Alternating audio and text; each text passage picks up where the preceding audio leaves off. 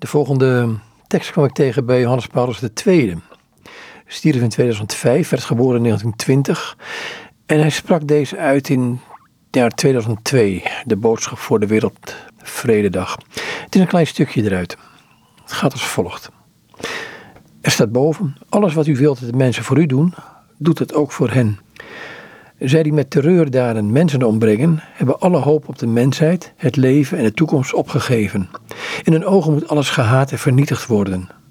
Terroristen menen dat de waarheid waarin zij geloven, of het lijden dat ze hebben ondergaan, zo absoluut is dat hun reactie daarop zelfs met de verwoesting van onschuldige levens gerechtvaardigd is. Terroristisch geweld druist volkomen in tegen het geloof in Christus de Heer, die zijn leerlingen heeft leren bidden. Vergeef ons onze schulden, zoals ook wij hebben vergeven wie schulden hebben bij ons.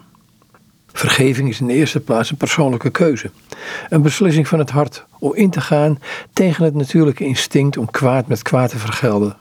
De maatstaf voor die beslissing is de liefde van God die ons ondanks onze zonden naar zich toe haalt.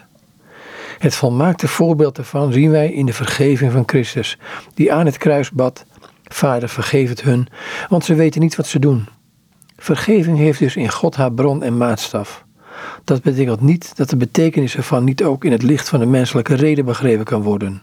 En wel, in de eerste plaats, op grond van datgene wat mensen ervaren als zij kwaad doen. Zij ervaren hun menselijke zwakte en willen dat anderen hen niet te zwaar vallen.